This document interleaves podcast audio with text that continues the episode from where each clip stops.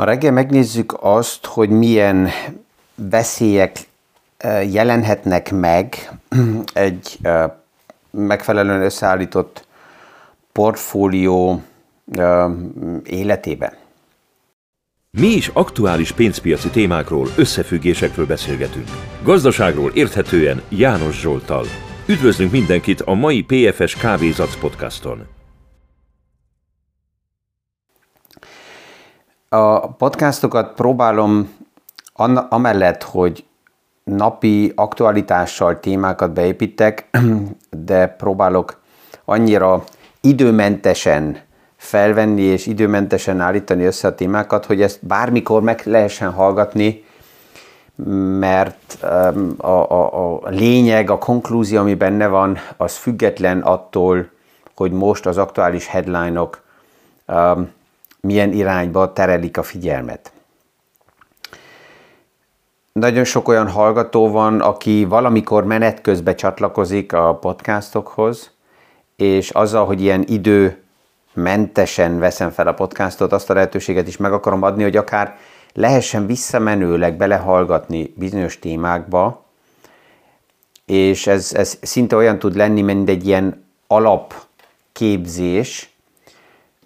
egy, egy, egy um, hallgatónak, és ez abból a szempontból jó, hogy um, független attól, hogy most éppen a médiából milyen téma ömlik, mi divatos, mi az, amit valaki uh, valamilyen okokból irányítani akar, független attól távolságból tudom megnézni és megvilágítani a portfóliómnak a struktúráját. És a távolság ez kell. Uh, akik kezdők, azoknál persze, hogy látom, hogy, hogy uh, egyszer az az érzés indul el, hogy akkor minden nap kell olvasni a híreket, minden nap kell az újságokat kézbe venni, és ami ott a headline, azt uh, le kell képezni a portfólióba. De hát van ugye az, a, az az érdekes kijelentés is, hogy nem a napi hírek irányítják a portfólió árfolyam fejlődését, hanem a portfóliók fejlődései generálják a híreket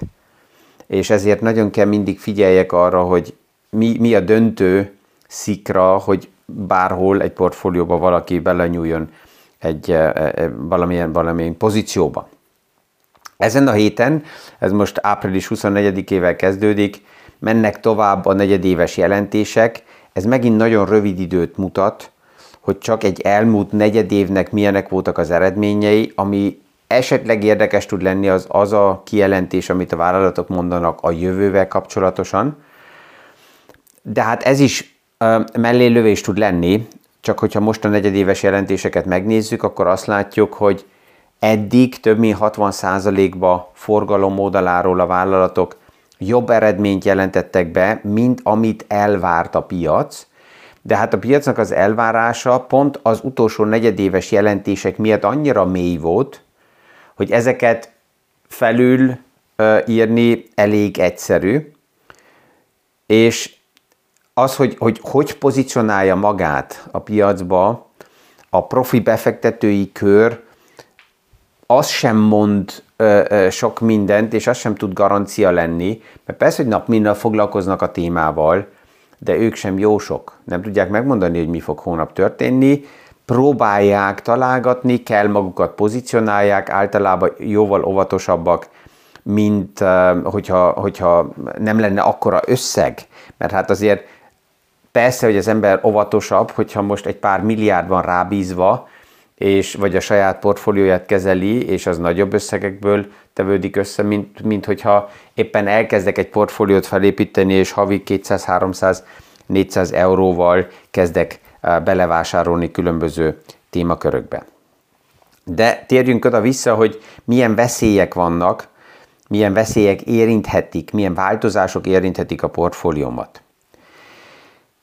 Ha visszamegyünk a, a historikus eseményekre, akkor látjuk azt, hogy például akár egy nagy öm, élelmiszer ellátó cégnek sem volt mindig tuti a jövőképe egy Nestle, a világháború után nagyon küzdött azzal, hogy átállítsa a struktúráit a hadi termelésről, a hadi gazdasági struktúrákról a békére. És nem is volt annyira biztos, hogy Nestlé ezt túl fogja élni. Egy film jut most eszembe, amelyik évekkel ezelőtt még Oscar, Oscar díjat is kapott, ugye Schindler's List, és a film ugye egy más szemszögből arra volt felépítve, hogy egy, egy nagy vállalat tulajdonosa, aki a hadi gazdaságnak egy, egy része volt Hitler Németországba, az ezt a pozíciót felhasználta arra, hogy embereknek segítsen, és megmentett nagyon-nagyon sok embert, nagyon sok családot, de hogyha csak a vállalkozót és azt a vállalatot nézzük, amelyik az, a, a, a sztori mögött állt, az nem élte túl a háború utáni időt, tehát nem volt ő képes az új struktúrákra, békére, új, új ö, ö, struktúrákat felépíteni, és ez a alapjában pozitív fejlődés, hogy megszűnt a háború, az ennek a vállalatnak nem volt nagyon jó. Ezt kell mindig megnézni, hogy ha távolról nézem, most nem azt a vitát eh, kézbe venni, hogy az a változás, ami történik, az nekem tetszik-e vagy nem,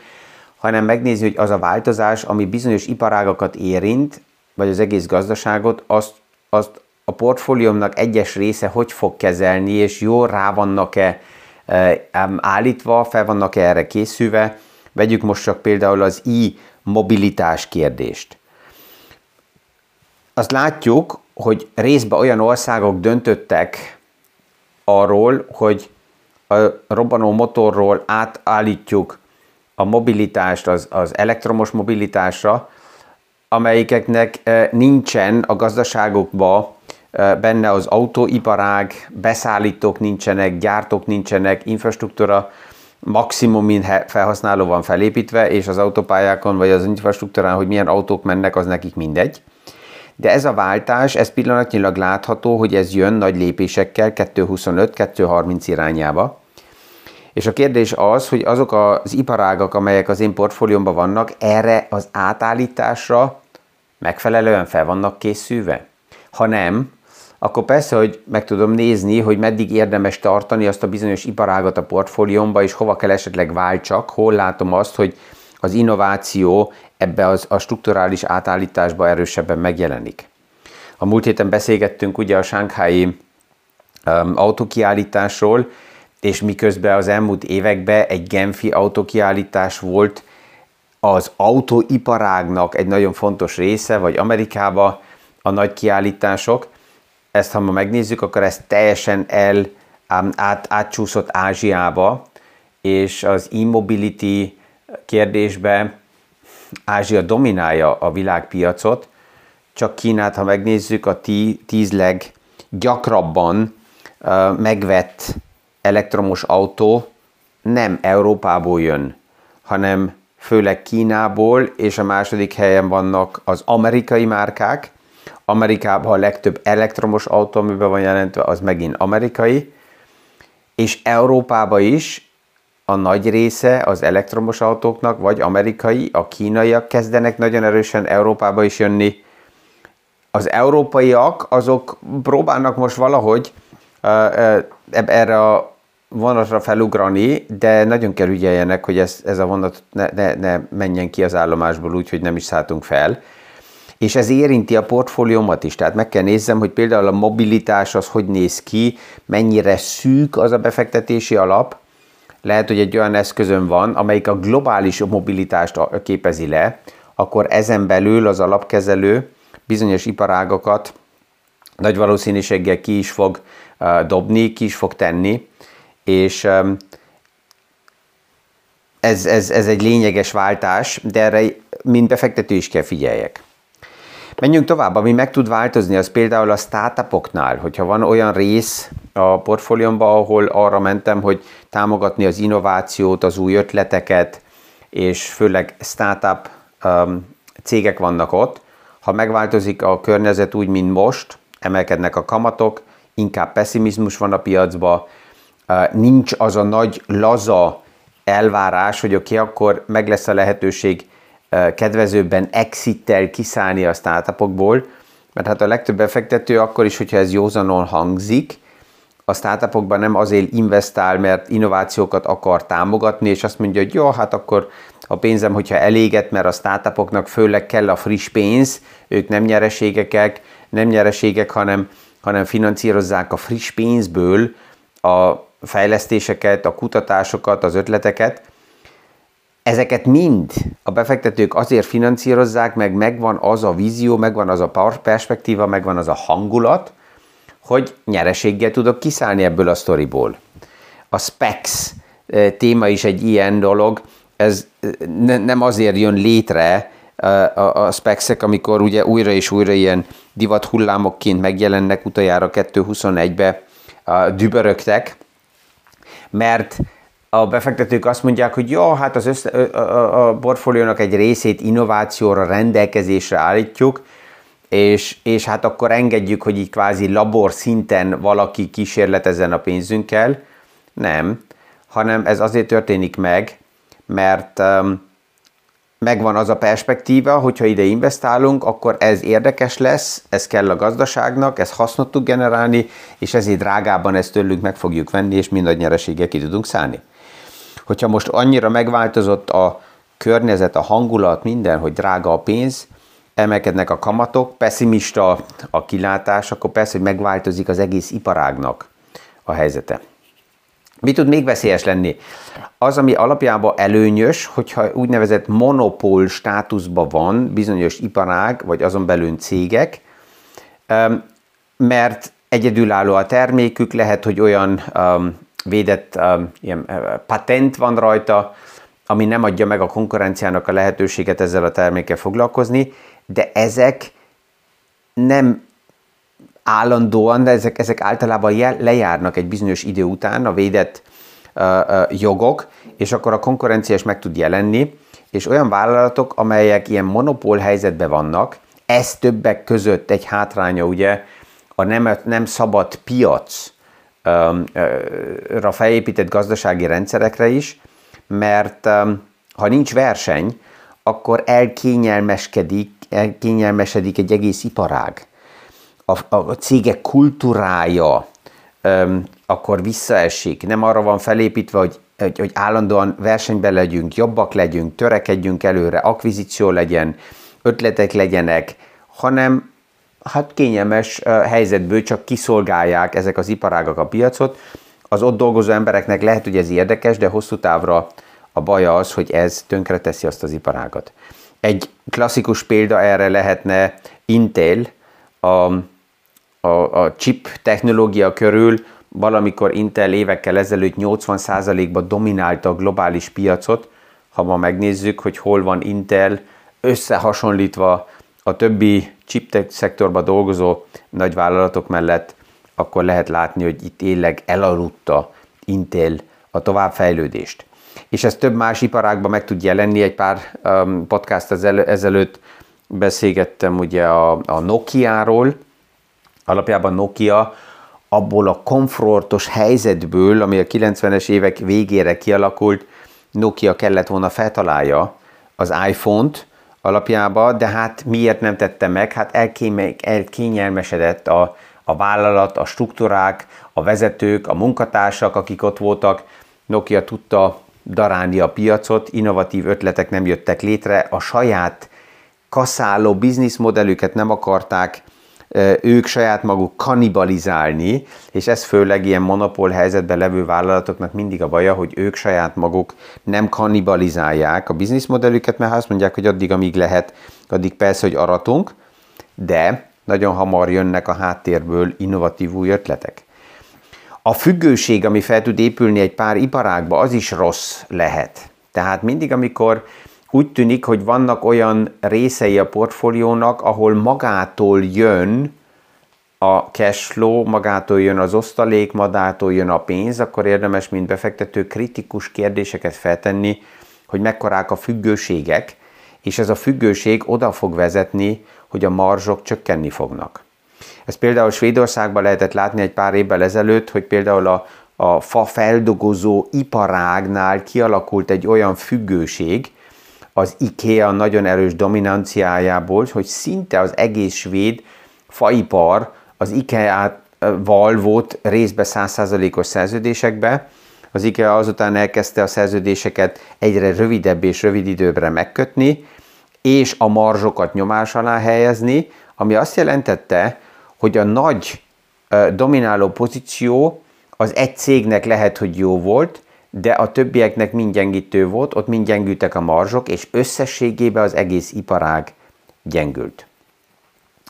Um, mi lehet egy következő veszély egy portfóliónak? Az um, lényeges ötletet adó személyiségeknek a kiesése. Ez kvázi jobb esetben egy balesetnél, vagy egy betegségnél, ez csak egy bizonyos időre van, de hogyha például halál esete történik meg, akkor a, a mastermind, ha kiesik, akkor ez egy egész vállalatnak, egy egész iparágnak kárt tud okozni. Klasszikus példa ugye volt évekkel ezelőtt Steve Jobs, amikor ő meghalt, akkor jöttek a kérdések, hogy egyáltalán mennyire fog sikerülni Apple-nek, és ezen keresztül Tim Cooknak is továbbvinni a, az Apple siker sztorit. Kritikusok azt mondják, hogy pont azzal viszi tovább, hogy olyan ötleteket vesz a fiókból ki, amelyek Steve Jobsról jöttek, de hát ez is egy menedzsmenti képesség, hogy a, az a megfelelő ötleteket tovább vinni, de itt ez lesz a kérdés, hogy, és ez nagy cégeknél a kérdés, hogy a nagyon erősen domináló személyiségek mennyire voltak sikeresek felépítésbe, a következő generáció felépítésébe, a következő menedzsmenti kör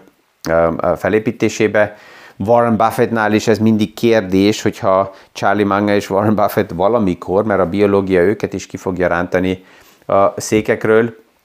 mennyire sikerül felépíteni egy következő menedzsment generációt, aki az ötletet tudja továbbvinni. Apple-nél Tim Cookkal úgy tűnik, hogy ez egyelőre sikerült, de például ha vesszük az egyik legnagyobb kereskedő családot és kereskedő vállalkozást, a Metrót Európába, akkor az alapító halála után, hát létezik ma még egy metró, de hát nagy, nagy, nagy fejlődés és nagy innovációt nem látunk mögötte. Tehát inkább ilyen botladozó szinten van még jelen. Um, az is, hogyha kritikus idők vannak, mekkora a tartaléka egy bizonyos iparágnak, tehát mennyire sikerül emelkedő kamatok vagy változó paraméterek mellett saját tőkéből, cashflowból finanszírozni a változást. Olyan vállalatok, amelyek nagyon-nagyon el vannak adósodva, azoknak az a veszélyük, hogy az, az, az a téma, amire pozícionálták magukat, az biztos, hogy kell növekedjen és fejlődjön, és ha valami változás van, akkor ha nehezen kapnak hitelt, akkor nem tudják a transformációt finanszírozni. Az első világháború után például, ha vesszük a Guinness családot, akkor azt látjuk, hogy az egész söriparágnak nem volt biztos, hogy Angliába a söriparág túléri azt a transformációt az első világháború után, megint a háborúból a békeidőbe, és Guinnessnek több mint tíz év kellett, hogy egyáltalán újra tudja strukturálni magát, újra tudja elhelyezni magát, és sikerüljön a békeidőbe is a, a bizniszmodellel tovább menni. Ezek az ötletek remélem, hogy így megint segítenek egy picit távolról nézni a portfóliót, nem csak a napi eseményeket, headline-okat próbálni kapkodva állandóan le képezni a portfólióban, mert az egyik ma ilyen, hónap olyan. Az egészséges, hosszú távú portfólió az, az a nyugalomból épül fel, és én tudom, ezt megtanultam, hogy alapjában mindenkinek saját szemszögéből igaza van. Az én szemszögem, amelyikből nézem a portfóliómat, a portfóliókat, az a nemzetközi független pénzügyi tervező. És ez azt jelenti, hogy nem egy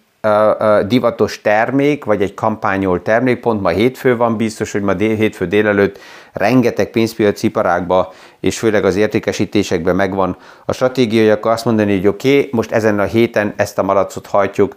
a falon keresztül, és ezt a terméket kell eladni mindenkinek. Oké, okay, abból a szempontból és abból a lehetőségből ez így, akik ott vannak, azoknak helyes, nincs más választások, ezt kell csinálják. Az én szemszögem, és az, ahogy ügyfelekkel próbálunk dolgozni, az távol menni ezektől a kampány szituációktól, és inkább a portfóliókat egészen más szemszögő megvilágítani, nyugodtan vitatni, akár egy jó pohár bor mellett elbeszélgetni, és azután meghozni a döntéseket. Ezzel kellemes heti indulást kívánok mindenkinek, és a viszonhallásra a következő PFS Kávézat podcastig.